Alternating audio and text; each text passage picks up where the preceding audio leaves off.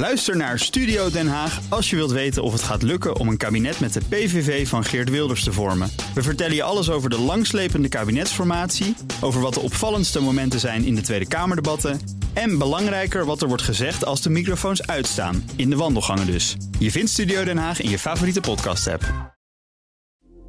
Dit is een BNR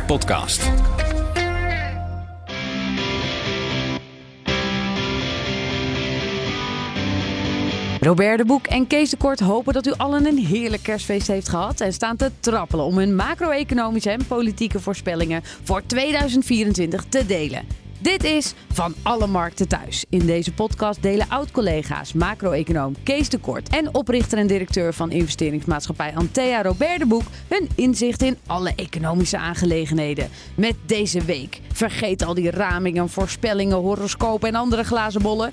Kees en Robert hebben niet gedronken voordat ze deze uitzending gingen maken. Hun voorspelling voor 2024. Het gaat een enorm heftig jaar worden, politiek en economisch. Kortom, hoop is een mooie kerstgedachte, maar volkomen gedateerd. Realiteit wint altijd. Met een scherp afgestelde bullshitmeter fileren de Waldorf en Stedtler van de Nederlandse economie, financiële trends en economisch beleid. En als goed voornemen voor volgend jaar houden wij vast aan ons motto: gezellig gaat het niet worden, de moeite waard? Zeker wel.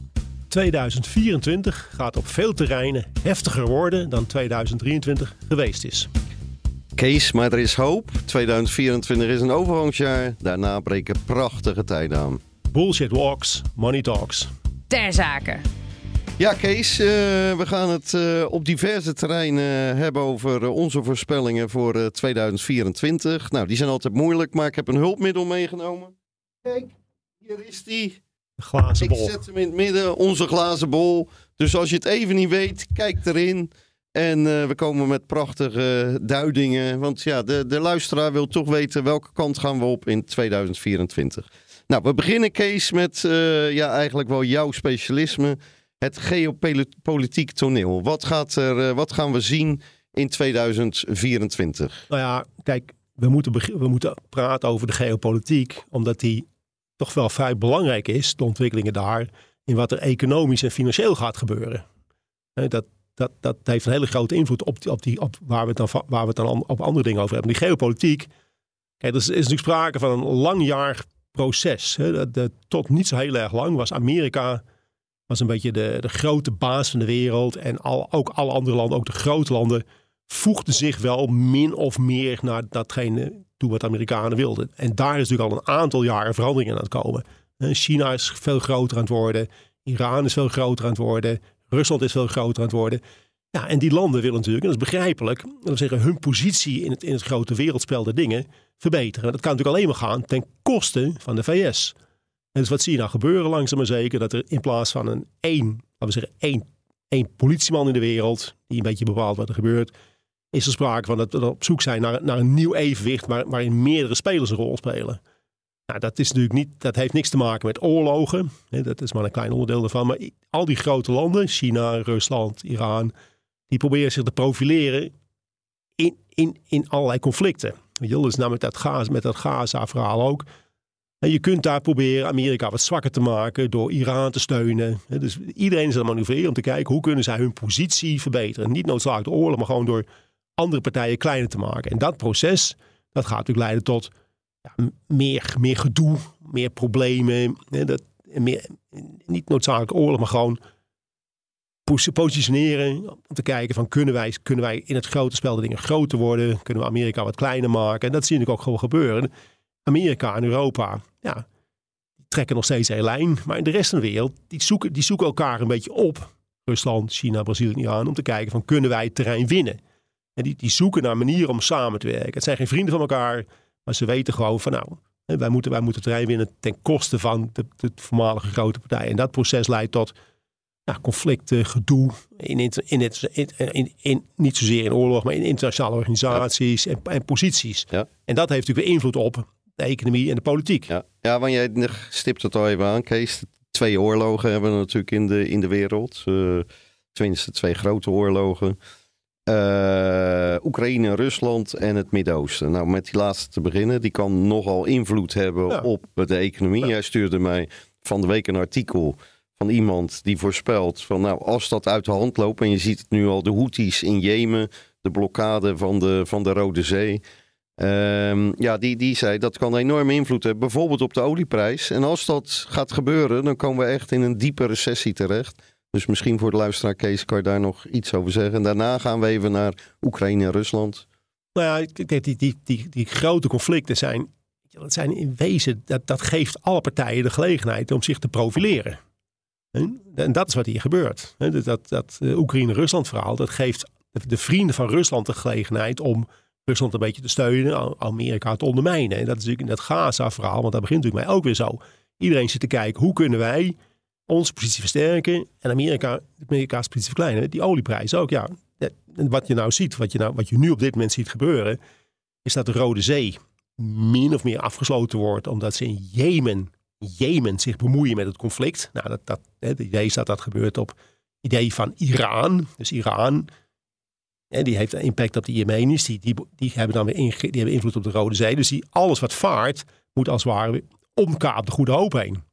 En, en, kosten. En, en, kosten. En ook de onder, onrust in het Midden-Oosten wordt ook weer groter. dus, en dat was natuurlijk in 2022 ook met die, met die energieprijzenstijgingen. Het idee was, ja, misschien gaan een groot probleem ontstaan. Probleem kunnen ontstaan in die olievoorziening in Rusland. Dat is niet gebeurd.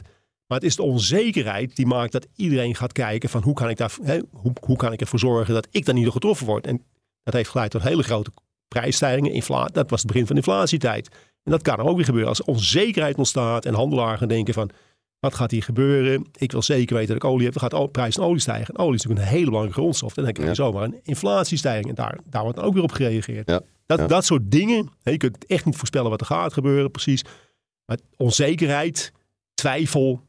Dat, neemt, dat leeft mondiaal wel toe. En dat heeft dan weer consequenties voor in ondernemers en, en het publiek. Dan denk je, ja, wat gebeurt er allemaal? Nou, dan Oekraïne en Rusland, Kees. Ja, ik, ik kijk in mijn glazen bol en ik voorzie, en ik denk dat dat samenhangt met de Amerikaanse verkiezingen. Ik voorzie toch dat uh, wanneer Trump die verkiezingen gaat winnen, en daar duiden de peilingen op dit moment echt uh, op, dat, dat Zelensky toch eieren voor zijn geld moet gaan kiezen. De, de steun in Europa die kalft af. Uh, Amerika met Trump gaat geen steun of veel minder steun verlenen aan Oekraïne.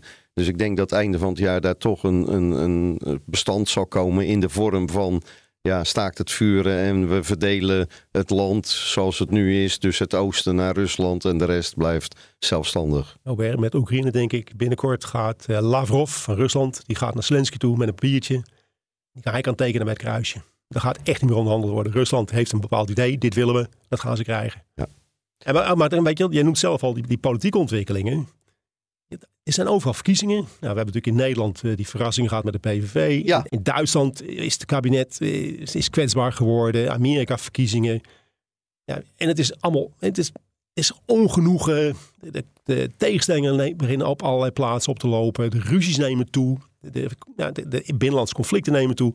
En ook dat, als we dan praten over wat gaat, dat, dat heeft ook weer allemaal onprettige consequenties voor ondernemers, voor het publiek. Die gaan allemaal zitten kijken van jongens, wat gebeurt er allemaal? En dat is een bekend economisch gegeven. Op het moment dat het onzeker wordt en twijfel wordt en er is geen richting en er is geen plan, dan gaan wij wachten tot er wel een richting en een plan komt. En dat, dat, dat, is, dat, is, dat is economisch en, en financieel zijn het allemaal gewoon minder. Dat is allemaal niet leuk, maar dat is de realiteit. Hè? Je, je ziet gewoon in allerlei landen in de wereld, men heeft geen plan meer.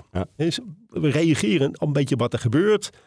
Maar wat, wat is het plan in de VS? Wat is het plan in Europa? Wat is het plan? Nou, dat, dat, weet, gewoon, ja, dat weten we niet. Het is allemaal reageren op. En dat, dat vergroot de onzekerheid en de twijfel. Met consequenties voor, het, voor de economie. Nou, laten we even ons concentreren gezien de tijd, Kees, op Nederland. Wat verwachten we in Nederland van de binnenlandse politiek? Als ik mag aftrappen. Ik verwacht dat we een rechtskabinet gaan krijgen bestaande uit de huidige vier partijen. Dus met deelname van de VVD. Want ik denk dat de druk vanuit de achterban zo groot is dat Jezus door de knieën zal, zal gaan. Uh, overigens, uh, wel met de kanttekening, de niet onbelangrijke kanttekening, dat ik denk dat de PVV niet de premier gaat leveren. De PVV heeft gekregen, ik denk dat de andere partijen daarom dat ook gesteund hebben, het Kamervoorzitterschap. Ik denk niet dat er een kabinet Wilders gaat komen. Ik denk dat de VVD de premier mag leveren. En dat zal niet Jezus worden, dat zal Klaas Dijkhoff worden. Dan zegt iedereen, nee, die heeft toch nee gezegd? Ja, die heeft nee gezegd toen die vanuit onzekerheid verkeerde, à la Timmermans. Die dacht, ik ga wel even winnen.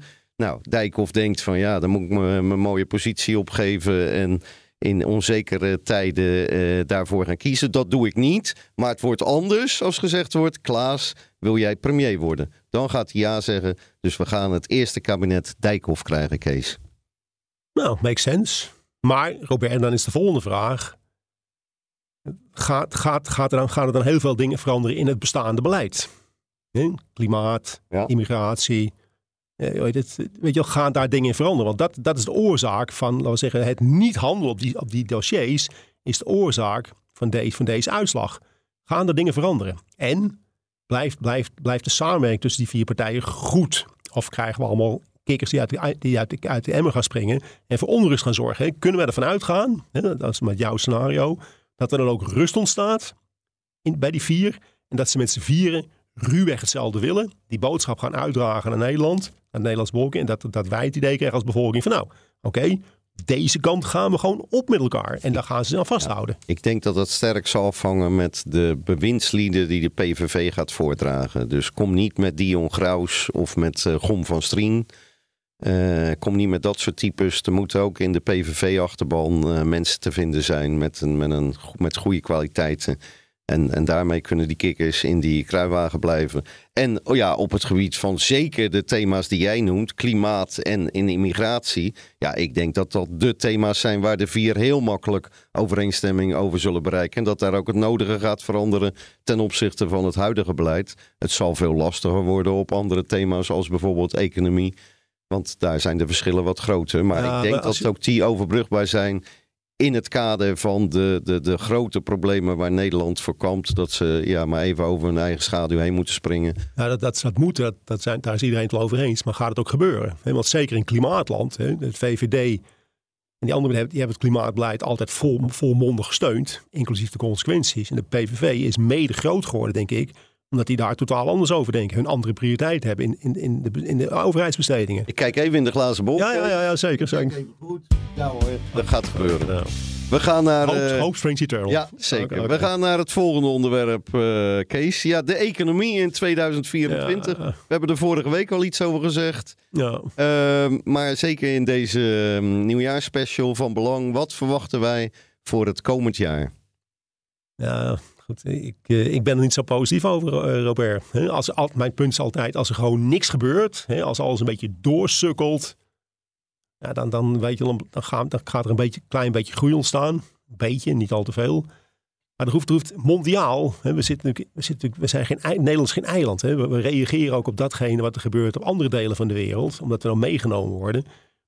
Er zijn gewoon te veel punten waarvan je denkt van ja, het kan allemaal goed gaan. Hé, maar dat hoeft, hoeft, niet heel, het hoeft niet heel erg tegen te zitten. Hè. We hebben het net gehad over die olieprijzen. Ja, daar wordt Nederland ook door geraakt. Financiële, financiële problemen, ergens in de wereld. Hè. Nou. Als je gewoon kijkt naar de grote economieën. Nou, Amerika wordt niet veel van verwacht. Europa wordt niet veel van verwacht. China, daar zijn de problemen torenhoog. Hè. Met, met, maar goed, de Chinese economie is heel erg gesloten. Dus dat, dat, maar goed, hè, de inflatie, rente, weet je, er zijn gewoon te veel potentiële bommetjes die onafhankelijk van elkaar kunnen ontploffen, die allemaal een hele grote impact hebben op datgene wat er ook in Nederland gaat gebeuren.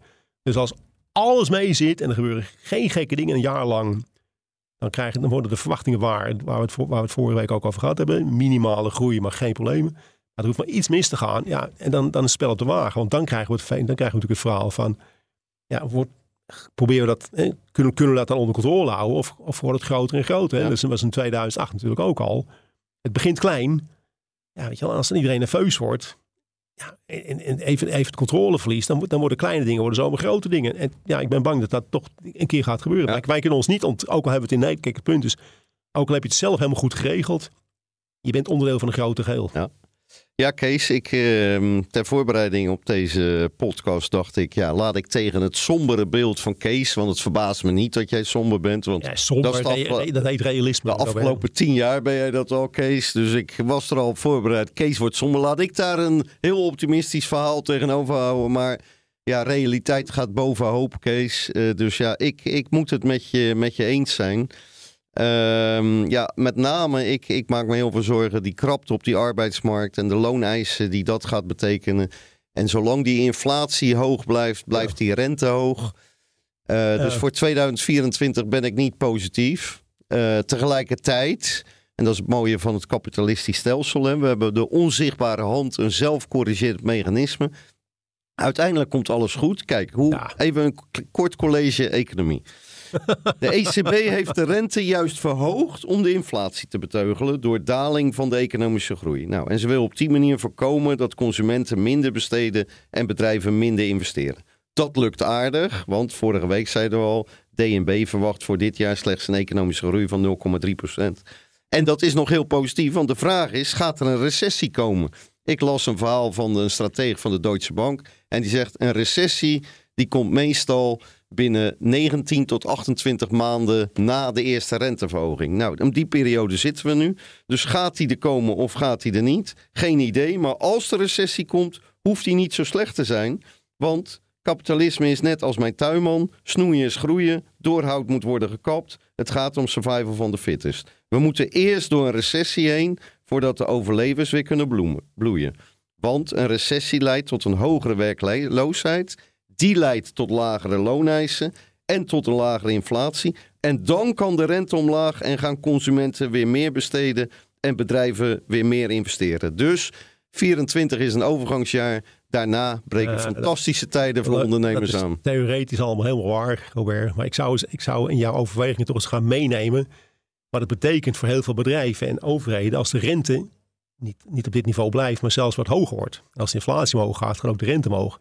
En dat is nou precies, dat is ook een hele grote eh, punt waar, waar, die, waar, de, waar internationale macro-economie op draait. Wat gebeurt er met de schulden? Want de afgelopen 10, 15 jaar is het best aardig gegaan, opgeteld. Vooral omdat we, we, hebben ons, we hebben ons inkomen niet verdiend. We hebben het inkomen bij elkaar geleend. Nou, de rente was natuurlijk minimaal. Dus het is, dat is gewoon tien jaar goed gegaan. Hè? Dat gewoon lenen, lenen, lenen, besteden, besteden, besteden. Een beetje groei, groei. En nu is de rente oplopen. Wij, als die rente een beetje verder oploopt, ja, dat, dat is echt het grote pijn, mogelijke pijnpunt in het hele grote macro-economisch verhaal. Niet alleen voor Nederland, maar gewoon internationaal. Want als die rente gaat lopen en bedrijven komen in problemen, faillissementen, banken kunnen in problemen komen, ja, weet je, dan, dan komt het spel te wagen. Die rente is een hele belangrijke factor. En ja, ook daar, daarvoor geldt, de vooruitzichten zijn niet geweldig. Eindelijk iets waar ik wel verstand van heb om over te praten. De markt voor fusies en overnames. Nou, wat verwachten we daar voor 2024? Vooruitblikken vereist terugblikken. 2023 was een matig jaar. Hoe kwam dat? Vooral, jij noemde het al, die hoge rente zorgde voor weinig deals. Om de luisteraar een idee te geven, in april 2022 deed Antea een deal en er was de rente uh, op de overnamefinanciering 2,3 procent. Anderhalf jaar later was dat, schrik niet, 6,2 procent. Nou, omdat kopers van bedrijven altijd een deel bankair financieren, heeft dat nogal invloed en leidt dat bij kopers tot terug, terughoudendheid. En terughoudendheid leidt tot minder deals. Vreemd genoeg leidt het niet tot lagere prijzen, wat je wel zou verwachten. Maar gebeurt niet. Hoe komt dat? Die blijven hoog vanwege de grote hoeveelheid geld aanwezig bij vooral private equity fondsen. We hebben het al eerder genoemd. Daar zit een grote gretigheid. Tegelijkertijd, omdat die waarderingen nog steeds hoog zijn, worden kopers in due diligence onderzoeken kritischer. Als je de hoofdprijs betaalt, moet alles kloppen. En hierdoor ging het afgelopen jaar in de markt veel deals niet door. Want wanneer bedrijven die te koop staan gaan achterlopen op hun eigen prognoses, haken veel kopers af. Nou, voor het komend jaar zal dus heel veel afhangen van die renteontwikkeling. Nou, ik denk dat die in 2024 nog niet zal komen. Uh, maar op het moment dat we vanwege dat zelfcorrigerend mechanisme weer meer merkeloosheid, lagere inflatie zou krijgen, is er ruimte voor een renteverlaging. En dan zal je zien dat het aantal deals gaat toenemen. Voor de Antea-participanten, die luisteren ook. Hè, die denken, oeh, dit is wel een heel somber beeld voor 2024. Uh, je leest voor het eigen werk nu. Wij ontspringen de dans. Wij gaan, Antea gaat het komend jaar vier hele mooie exit realiseren. Die bedrijven echt Robert, voordat jij je hele nieuwjaarspeech al aan het weggeven bent, moeten we het niet even hebben over al die vragen die we hebben binnengekregen over beleggen. Waar moeten we nou in beleggen? Oh ja, dat is een, dat is een goede case. Ja, vorige week kregen we al een vraag van, van Hans, meen ik. Die had 40.000 euro over. En die vroeg zich af, waar moet ik het in stoppen? Nou, Kees, jij als uh, Ja. macro-econoom, Ja, jij dat- hebt je heel je leven Ja, in de beleggingsafdeling, in de beleggingswereld gewerkt. Hans zit met smacht te wachten op jouw Ja, tips. Ik ga Hans teleurstellen. Dat, ik kan, dat zal ik nog even uitleggen. Want kijk, ik zit, wat jij zegt, ik zit mijn hele leven in de beleggingswereld. En tot 2007, 2008 had ik er wel grip op. Toen, toen werd er nog gedacht in termen van kansen versus risico. Dat is, dat is een hele belangrijke variabele in, in beleggen. Dus het publiek zal denken, ja, ik had, ik had iets meer, oog voor de, voor de risico's dan voor de kans. Maar grosso modo hadden we er wel kijk op.